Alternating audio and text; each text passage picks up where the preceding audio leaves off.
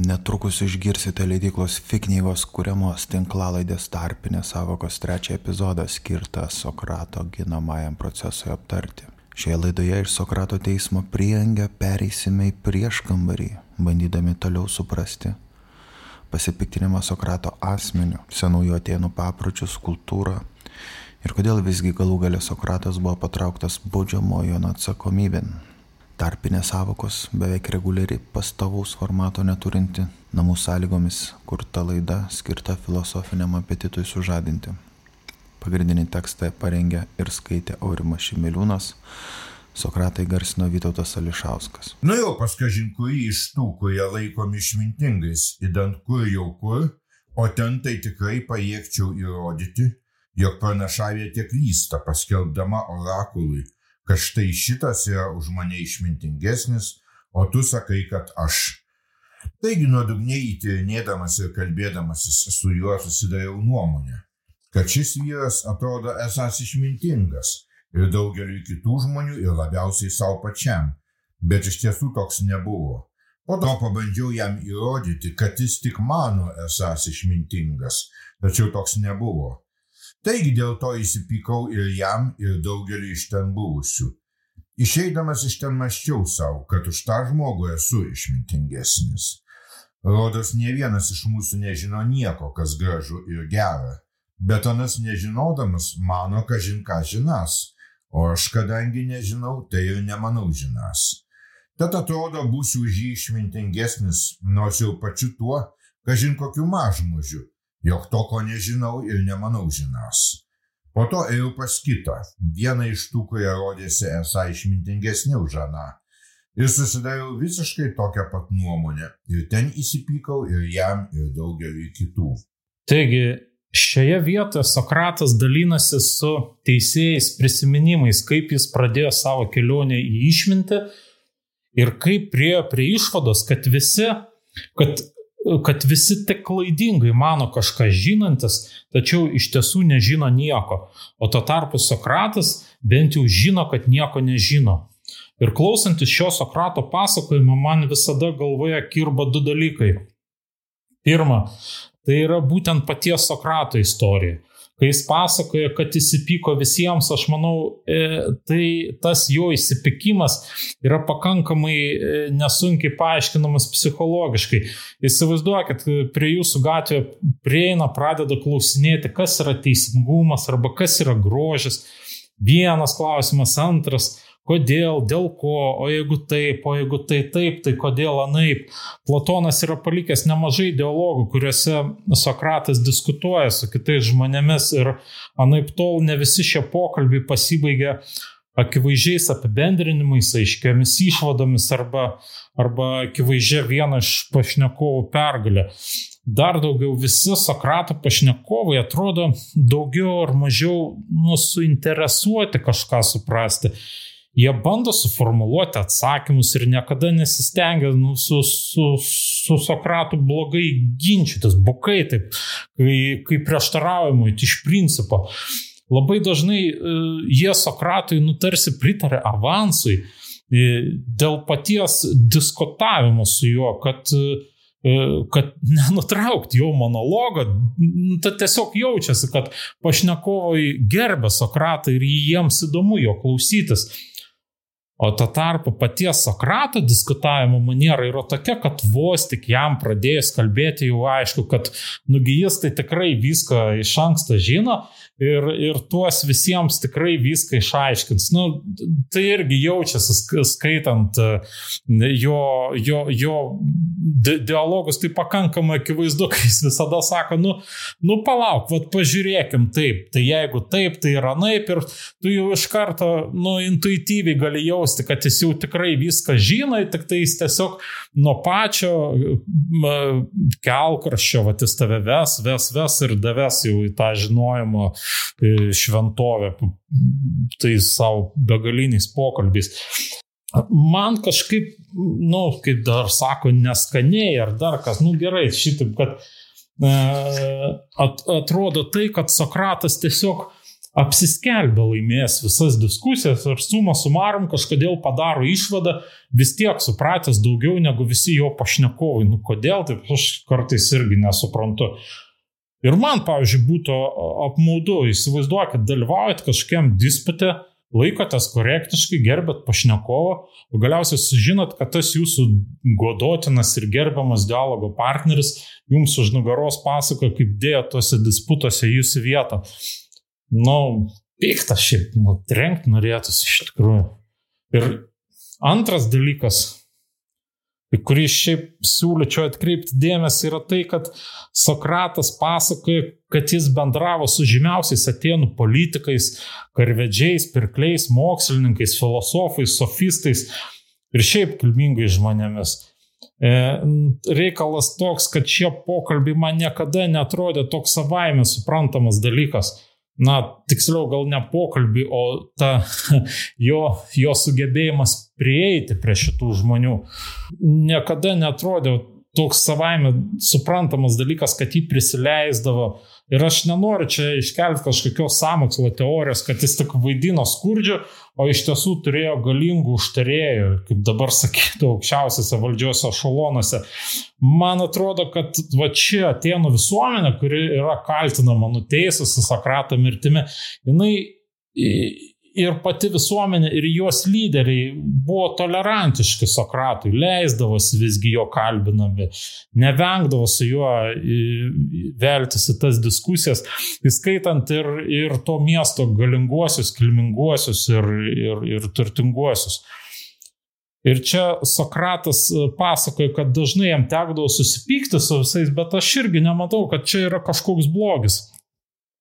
Tai, kad apie jį nuolat sklyzdavo visos visokios kalbos irgi manęs tai nestebina, nes jis juk pats dienas leisdavo Tėno aikštėje ir, ir ką jis darydavo, tai kalbėdavo. Nu, tai nu, natūralu, jeigu tu visą, visą gyvenimą praleidi centrinį miesto aikštį kalbėdamas, tai ir tu pats visko priešneki ir, ir apie tave nemažai priešneka. Tai kuo jis čia nustebęs, kad apie jis e, ir kreipiasi tuos teisėjus, kad, kad sklinda kažkiek tai gandai kurie jau sklandė iki gimstant kai kuriem iš tų teisėjų. Bet visgi man neteko girdėti kažkokių tai liūdimų, na čia gal aišku ir mano išsilavinimo spraga, kad Sokratas e, būtų kažkokio kilmingo žmogaus paliepimu, būtų sumuštas ar kažkaip panašiai su juo būtų pabandyta susidoroti vis tik, o liūdėjimų, kad e, po kai kurių disputų jis iš svetimų namų išėjo sotus ir dar prigėręs vyno, tai čia yra. Aš jau bent jau vieną galėčiau paminėti, tą jau legendinį Platono dialogo puotą. Taigi, išvada lik ir paprasta, paprasta, kad net ir turtingi ateniečiai Sokratą gerbė, girdė, maitino ir jo kompaniją vertino. Pabaigoje ėjau pas rankų meistrus. Man pačiam buvo aišku, kad aš, trumpai tariant, nieko neišmanau, tuo tarpu apie šiuos žinojau, kad rasiu juos išmanančius daug gražių dalykų ir šiuo atžvilgiu aš nesuklydau, nes jie išmanė tai, ko aš neišmaniau, ir tuo jie buvo už mane išmintingesni. Bet gyvyrai ateiniečiai, kaip ir poetai, tą pačią įdą man pasirodė turį ir gerieji amatininkai, dėl to, kad gražiai vertėsi meistrystė Kiekvienas dėjosi esas išmintingiausias ir kituose dalykuose, didžiausiuose dalykuose ir šį jų klaidą paslėpdavo netgi aną jų turimą išmintį. Taigi prisimindamas ištarmę savęs klausiau, ką pasirinkčiau. Ar man likti tokiam, koks esu, nebūdamas nei išmintingas anų išmintimi, nei nemokša jų, nei nemokšiškumu, ar turėti abu tuos dalykus, kuriuos turi anie. Atsakiau savo pačiam ir orakulo ištarmiai, jog man verta likti tokiam, koks esu. Ai, nu šioje vietoje tai jis šiek tiek gudrauja, bet ko nepadarysi, norėdamas pateisinti savo pasirinkimą tapti filosofu. Aš jau saliginai sutiksiu su tuo, kad šiuo atveju tapimas filosofu yra palyginti lengvas veiksmas, susidedantis iš dviejų dalių. Pirma, turi pripažinti savo, kad nieko neišmanai. Antra, pasižadėti savo, kad sieksi tiesos visomis savo proto galiomis. Tai yra, kad ir neturėdamas išminties, sieksi juos kiek tik įmanydamas. Ir čia pats Sokratas sako, kad tai, jog visokie menininkai ar amatininkai gerai išmanė savo meno ar amatą, jie gavo klaidingą įsitikinimą, kad išmano ir kitus dalykus. Ir štai, čia, čia man atrodo svarbu. Sokratas sako, kad šis jų klaidingas įsitikinimas paslėpdavo turimą išmintį, tai yra sugebėjimą, tai yra tavo sugebėjimą, kurie jau turėjo. Pavyzdžiui, sukurti, pagaminti Deivės Ateinės skulptūrą, graikišką laivą Trieras su tomis trim irklailėm. Ir pagal Sokratą, jeigu va, tu moki tuos įgūdžius, tu esi juos išvystęs, e, tai nieko nereiškia, jeigu tu, tarkim, nesupranti, kas tai yra grožis ar kažkas panašaus. Ir jeigu tu, e, nu paprastai kalbant, jeigu tu būdamas geras gydytojas vien tik dėl to, kad esi geras gydytojas, pradedi įsivaizduoti, kad taip pat būsi geras diplomatas ar politikas, tai tu netgi gydytojas geras nesi. Nu, man su tuo iš tikrųjų sunku sutikti. Aš, aš nemanau, kad tai yra tiesa. Netgi esu įstikinęs priešingai. Sokratui kažkaip atrodo, kad viskas tarpusavį yra susiję. Jam atrodo, kad vienas klaidingas įsitikinimas užnuodė ir likusias žinias. Asmeniškai aš pats gal ir norėčiau, kad, kad šitai būtų, bet pasaulis, kuriame aš gyvenu, yra surėdytas kitaip. Norėtųsi, aišku, kad viskas būtų suprantama, bet taip nėra. Pavyzdžiui, geras aktorius, dainininkas ar dizaineris gali kiek nori kalbėti nesąmonės apie politiką, gyvenimą, tiesiog nusišnekėti, ir, bet nuo to jis nebus nenustos būti savo amato meistras. Ir kas bjauriausia, vad būtent šią aplinkybę daugelis žmonių vers atidžiau klausytis tų jo nesąmonių. Ir tai savo ruoštų skatint šio amato meistrus kalbėti dar didesnės nesąmonės. Bet ar, ar nuo tos jų pasakytos nesąmonės jie pasidarys blogesniais dizaineriais ir dainininkais? Na, aš manau, ne. Ir jie uždirbs vis tiek pakankamai daug, kad galėtų nusišnekėti toliau. Nu, čia gal dabar turbūt selą galvoj turėjo, nežinau. ir, ir čia viena iš Sokrato paslapčių, pagal jį yra tarsi du nežinojimai. Vienas suvoktas, kitas nesuvoktas. Suvoktas nežinojimas praturtino, o nesuvoktas nuskurdino. Tai yra, jeigu nieko nežinai, bet žinai, kad nieko nežinai, reiškia visgi kažką žinai, visgi turi kažkokį žinojimą. O jeigu žinodamas kažką manai, kad žinai viską, tai prarandi netgi tą žinojimą, kurį turėjai. Ir kodėl jam tai taip atrodo, nežinau. Nu, bet aš irgi nežinau kažko tai. Galbūt aš dabar galvoju, būtent todėl Sokratas jokio amato nesimokė ir nedirba, nes pagal jo logiką viskas būtų šitaip. Jis išmoksta statyti, tarkim, puikius laivus, Ir dėl to, kad išmoko statyti tuos laivus, tai puikiai jis be jokio pra, pagrindo pradėtų laikyti save protingu ir, ir būtent dėl to taptų durnu. Taigi geriau nesimokyti jokio amato ir likti protingam, kuris kukliai žino, kad nieko nežino ir dėl to turi bent tokią išmintį. Nu, nu ką aš žinau, pagal Sakratą, jeigu nieko neišmanydamas apie grožį, tu sukuri skulptūrą, kuri visiems atrodo graži, tai vis tiek reiškia, kad tu nieko neišmanai absoliučiai. Nei apie grožį nieko neišmanai, nei apie skulptūrų tašymą, nei apie sienų tapybą. Ir jei nieko neišmanai apie grožį, tai pasak Sokrato, tu iš principo negali sukurti nieko gražaus. Nu, sukūrei Nu, visi sako, oi, kokia graži statula, oligarchai sumoka tau didelius pinigus už ją ir pastato ją Atenų šventykloje. O dėkingi žinia aukoja devams, kad e, sektųsi tiem oligarchams jų visokie karo žygiai ir prekybinės kelionės.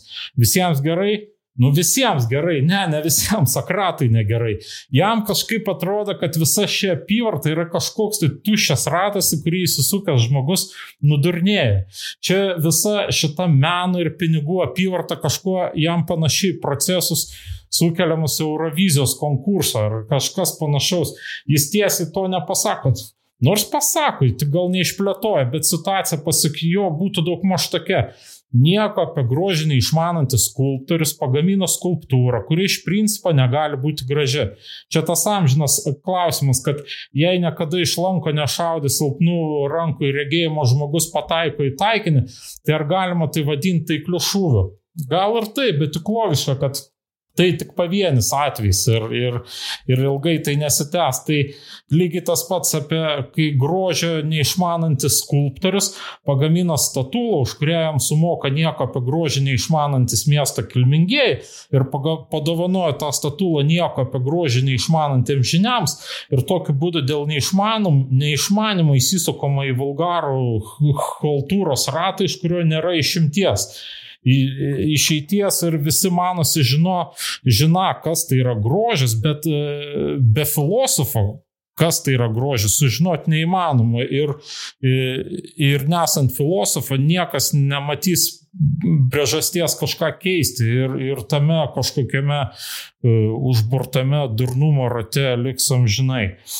Bet aišku, aš sakyčiau, kad tai, kas tinka lietuviškai estradai ir lietuviškam futbolui, nebūtinai tinka antikiniai kultūrai. Ir jeigu tu pagaminai gražią tobulą statulą arba laivą, tai visgi gal tuo pačiu reiškia, kad tu ne tik žinai savo amatą, čia gal reikėtų sakyti, turi savo amato žinojimą, bet, bet jeigu jau tau vis tik patiko, pavyko pagaminti kažką gražaus, Tai gal tu taipogi ir išmanai kažką apie grožį, apie proporcijas ir kitus abstraktesnius dalykus. Tu žinai šitai nepaisant to, kad galbūt ir nesugebi to išsamei paaiškinti ir pagrysti diskusiją su Sokratu, kuris netikėtai turguje prie tavęs prie ir pradėjo apie tai klausinėti. Ir šita nuostata sokratiškai, žinau, kad nieko nežinau, nebūtinai implikuoja kažkokį tai išskirtinį žinojimą. Išskirtiniu ši nuostata tampa nebent tada, kai tu žinai, kad tikrai visi kiti to nežino. Tai yra, nežino, kad nežino. Bet jau gali būti ir taip, kad jie irgi skęsta abejonėse dėl savo žinojimo. Gali būti irgi taip, kad jie irgi suvokia, kad nežino. Ir negi tikrai Atenose niekas kitas išskyrus Sokratą nemokėjo abejoti savo žiniomis ir teisumu. Bet kas baisiausia, dar gali būti taip, kad kiti iš tiesų visgi irgi žino, kad jie irgi nieko nežino, o tik Sokratas to nežino, kad anie irgi žino, kad nieko nežino. Tik Sokratui vienam atrodo, kad jis tik vienas yra žinojimo, kad nieko nežino e, išminti turintysis. Taigi, Sokratas nusprendžia likti tokiu, koks yra, likti žinančiu, kad nieko nežino. Kalbant šiandienos kalba, čia mes turim prieš akis sąmoningą filosofo atsisakymą mokyti sąmatą ir įsilieti į darbo rinką. Taigi aš dar ir dabar aplinkui vaikščiodamas, tai tyrinėju ir pagal Dievo ištarmę tiek iš miesto piliečių, tiek ir svetim šalių kvočių tą, kurį tik palaikau esant išmintinga. Ir kai tik jis, toks man jau nebetrodo, skubėdamas Dievui į pagalbą įrodinėjau tardomajam, kad jis nėra išmintingas.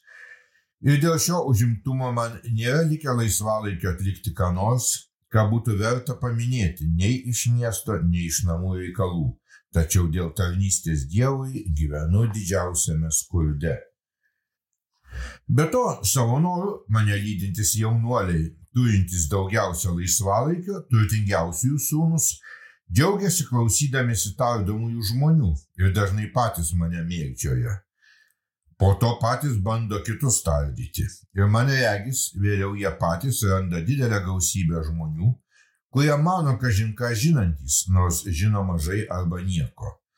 Taigi dėl to jų tardomieji niršta ant manęs, o ne ant savęs pačių. Ir sako, kad esas kažin koks Sokratas, bjaurybių bjaurybė ir gadinas jaunuolius. Taigi šioje vietoje mes prieinam prie pirmojo kaltinimo, kuris buvo mestas Sokratui, o būtent prie jaunuolių gadinimo.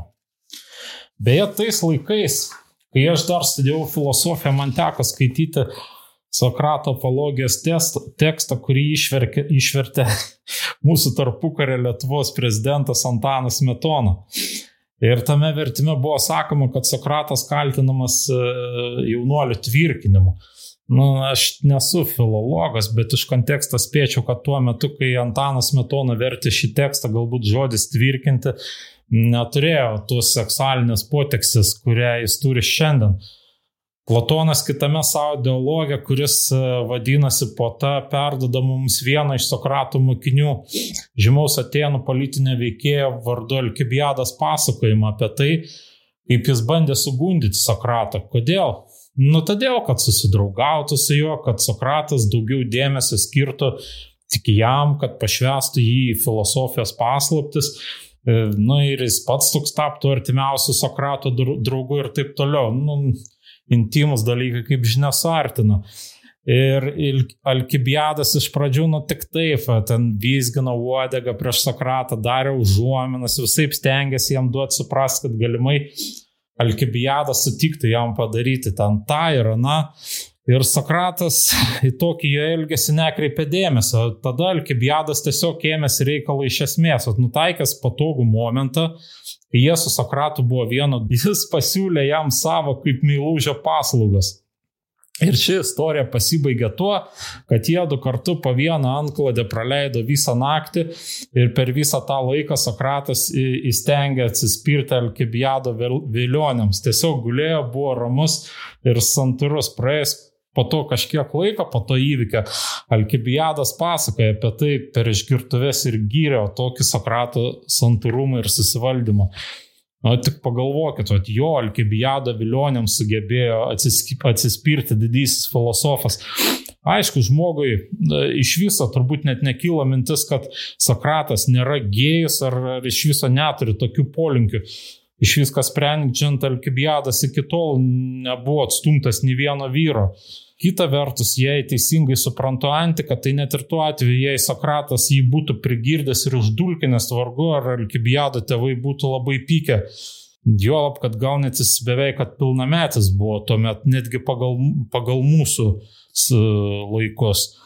E, graikai apskritai tai žiūrėdavo tolerantiškai, nes juk turi kažkaip vyresnis vyras perduoti jaunesniam savo išmintį, o jaunesnis turi kažkuo atsidėkoti. Ir aš čia negaliu susilaikyti neatsakęs į visų laikų ir tautų klausimą, kodėl senovės graiko atlėtų statulos su tokiais mažais peniais.